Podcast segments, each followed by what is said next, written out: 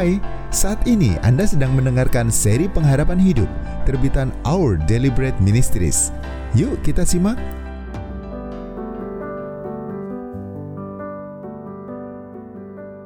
Tolong, aku merasa tak berharga.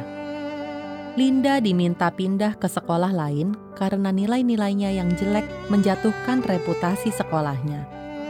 Sekolah favorit tersebut tidak memberikan toleransi kepada siswa yang gagal dalam ujian tingkat nasional. Di rumah, orang tuanya membandingkan Linda dengan saudaranya yang sering menjadi peringkat teratas di kelasnya. "Kenapa kamu bodoh sekali? Kenapa kamu tidak belajar lebih keras lagi seperti adikmu?" tanya orang tuanya. Sambil menangis, Linda berjalan masuk ke kamarnya. Ia berpikir, Apakah orang tuaku hanya mengasihiku kalau nilaiku bagus? Apakah sekolah cuma peduli soal nilai? Sony baru saja terkena PHK.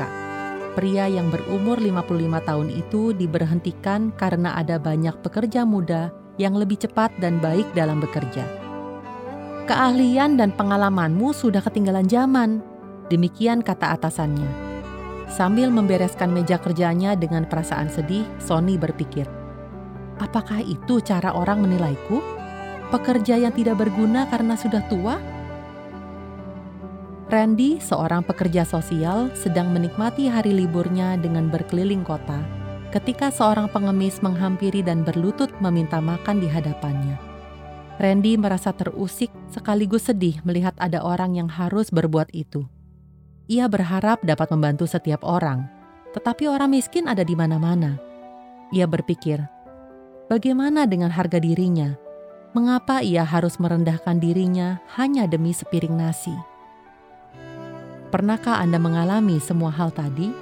Pernahkah Anda merasa tidak berharga? Apakah Anda merasa orang-orang tidak menghargai diri Anda? Ketahuilah, Anda tidak sendiri. Banyak dari kita di tengah dunia yang serba cepat dan syarat kompetisi ini merasa hanya seperti sebuah angka atau bagian dari satu mesin besar yang terus bergerak. Kita lebih sering diukur dari prestasi kita di sekolah, apa yang kita hasilkan di tempat kerja, dan seberapa penghasilan kita. Rasanya tidak ada yang benar-benar menghargai kita sebagai pribadi.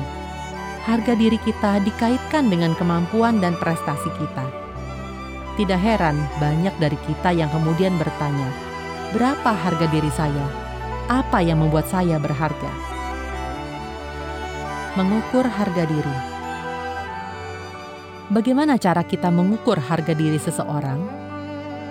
Bila kita memilah-milah tubuh kita menjadi sejumlah komponen kimiawi seperti karbon, oksigen, dan hidrogen, kita mungkin akan menemukan bahwa tubuh kita tidak begitu besar nilainya, mungkin beberapa juta rupiah saja. Sementara itu, dari segi ekonomis, kita diukur menurut keahlian, pengalaman, dan status yang kita miliki. Sayangnya, banyak dari kita yang diukur dengan cara ini. Seseorang dibanding-bandingkan dengan melihat harta kekayaannya, jumlah pendapatannya, dan seberapa besar kontribusinya kepada perusahaan dan organisasi yang mempekerjakannya. Namun, bagaimana bila kita tidak memiliki keahlian, kemampuan, atau talenta yang diinginkan orang? Bagaimana bila kita tidak kaya, menarik, karismatik, atau bertalenta. Bagaimana bila kita biasa-biasa saja? Lalu, bagaimana dengan bayi, pengungsi, dan narapidana yang tidak punya apa-apa dan sering dianggap bukan siapa-siapa di dunia ini? Bagaimana dengan orang-orang yang sudah tua, cacat, atau melarat? Apakah mereka berharga? Setiap orang berharga Bila Anda mengambil selembar uang, misalnya lembaran Rp100.000, Anda akan melihat nilai uang tersebut tidak bergantung pada keadaannya. Nilai uang tersebut intrinsik atau sudah terkandung di dalamnya. Entah uang kertas itu sudah lama atau masih baru, kotor atau bersih, nilainya tetap sama. Pikirkanlah kebenaran ini. Setiap manusia adalah seperti uang itu. Harga atau nilai diri kita yang sebenarnya tidak bergantung pada faktor-faktor luar. Bagaimana penampilan kita, seberapa baiknya kita, apa saja yang telah kita lakukan atau apa yang mampu kita lakukan. Baik kita kaya, cakap, elok rupa atau tidak, setiap dari kita memiliki nilai intrinsik. Meskipun kita mengalami jatuh miskin, menua, cacat, atau sakit yang seakan merenggut martabat kita sebagai manusia, hidup kita tetap bernilai. Bila pernyataan ini sulit Anda terima, coba pikirkan tentang arti seorang bayi bagi ibunya. Kasih ibu yang begitu besar kepada anaknya tidak datang dari apa yang dapat dilakukan sang anak terhadapnya. Ia mengasihi anaknya semata-mata karena bayi itu adalah miliknya. Bila Anda merasa terlupakan dan tidak berharga, bila Anda merasa tidak ada yang peduli kepada Anda, ketahuilah bahwa Anda sungguh berharga dan Anda sangat berharga bagi satu pribadi. Mungkin ini hal yang mengherankan, terutama bila Anda merasa belum pernah dikasihi apa adanya. Bolehkah kami menceritakan tentang satu pribadi yang menganggap Anda sangat bernilai? Bolehkah kami memperkenalkan Anda kepada Dia yang melihat Anda sebagai seseorang yang sangat istimewa? Begitu berharganya Anda sampai Dia bersedia mati demi Anda. Namanya Yesus. Anda istimewa di mata Allah. Alkitab yang dipercaya orang Kristen sebagai firman Allah menceritakan bagaimana Allah menciptakan manusia. Allah tidak saja menciptakan laki-laki dan perempuan untuk menikmati hubungan pribadi dengannya. Dia juga menciptakan setiap orang berbeda dan istimewa. Seseorang yang dekat dengan Allah pernah menyatakannya demikian. Engkau menciptakan setiap bagian badanku dan membentuk aku dalam rahim ibuku. Waktu tulang-tulangku dijadikan, dengan cermat dirangkaikan dalam rahim ibuku. Sedang aku tumbuh di sana secara rahasia. Aku tidak tersembunyi bagimu.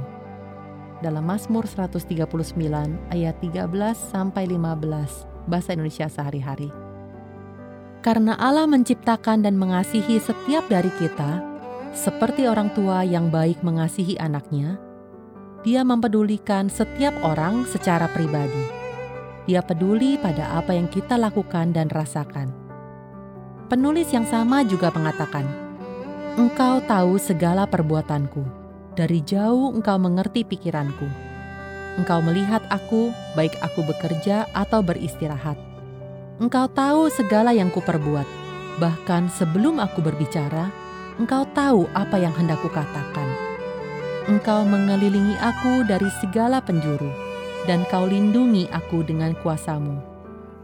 Mazmur 139 ayat 2-5 dalam terjemahan Bahasa Indonesia sehari-hari.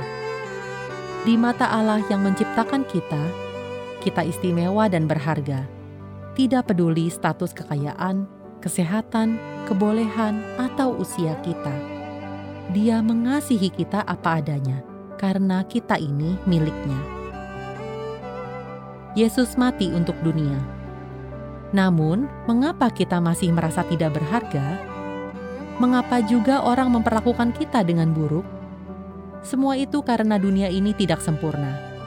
Hal itulah yang mempengaruhi hubungan Allah dengan manusia dan hubungan antar manusia.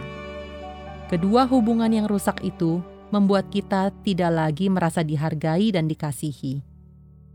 Namun, Allah ingin memperbaiki hubungan kita dengannya. Dia telah mengenal kita sebelum kita mengenalnya. Kini, Dia ingin kembali menjalin hubungan dengan kita untuk menunjukkan kepada kita bahwa Dia mengasihi setiap dari kita. Lebih dari 2000 tahun lalu, Allah datang ke dunia dalam wujud manusia bernama Yesus. Yesus datang untuk menunjukkan kepada kita bahwa satu-satunya jalan untuk menikmati hubungan yang telah dipulihkan itu adalah dengan percaya kepadanya. Saat Yesus hidup di dunia, Dia menunjukkan kepada kita bahwa Allah menghargai setiap jiwa dengan menjangkau dan melayani mereka, terutama orang-orang yang miskin, tertindas, tersingkir, dan terlupakan oleh masyarakat. Dia tidak menjadikan penampilan, kekayaan, status, atau kebolehan seseorang sebagai dasar hubungannya dengan mereka. Baginya, setiap pribadi sangat berharga dan berarti. Hari ini Dia menawarkan yang sama kepada kita semua dan kepada Anda. Maukah Anda percaya? Anda istimewa dan berharga bagi Yesus. Dia sangat rindu memulihkan identitas Anda sebagai ciptaannya yang berharga dan meyakinkan Anda bahwa Anda selalu berharga di matanya. Jika Anda mengenal Yesus dan percaya kepadanya, anda akan menemukan bahwa harga diri Anda tidak lagi bergantung pada apa yang dipikirkan atau dikatakan orang. Harga diri Anda juga tidak ditentukan oleh seberapa besar kontribusi Anda di dunia. Namun, harga diri Anda datang dari kesadaran bahwa Anda sekarang adalah milik Allah. Bayangkan rasanya bila ayah Anda adalah seorang pemimpin yang sangat berkuasa. Itulah yang ditawarkan Yesus kepada Anda yaitu status dan nilai diri yang Anda terima karena menjadi anak Allah. Betapa tenang dan aman diri Anda saat menyadari bahwa Anda adalah anak dari Allah Bapa yang kekal, Maha Kuasa, dan Maha Pengasih. Anda akan dapat menjalani hidup dengan keyakinan diri karena Anda mengetahui bahwa Anda sangat dikasihi dan dihargai oleh pribadi yang lebih besar dari siapa pun di dunia ini dan yang mempedulikan Anda secara pribadi. Sekalipun Anda menjadi anak Allah yang terkasih, tidak berarti semua masalah Anda langsung tuntas atau jalan hidup Anda selalu lancar. Namun, sebagai anak Allah, Anda mempunyai Allah Maha Kuasa sebagai Bapa, dan Dia telah berjanji untuk selalu menyertai dan menolong Anda di sepanjang hidup Anda. Jadi, maukah Anda mengenal Yesus? Terima kasih ya karena Anda sudah mendengarkan seri pengharapan hidup ini. Untuk mendapatkan materi-materi dengan judul-judul lainnya secara online, silakan kunjungi website santapanrohani.org garis miring SPH. Tuhan memberkati.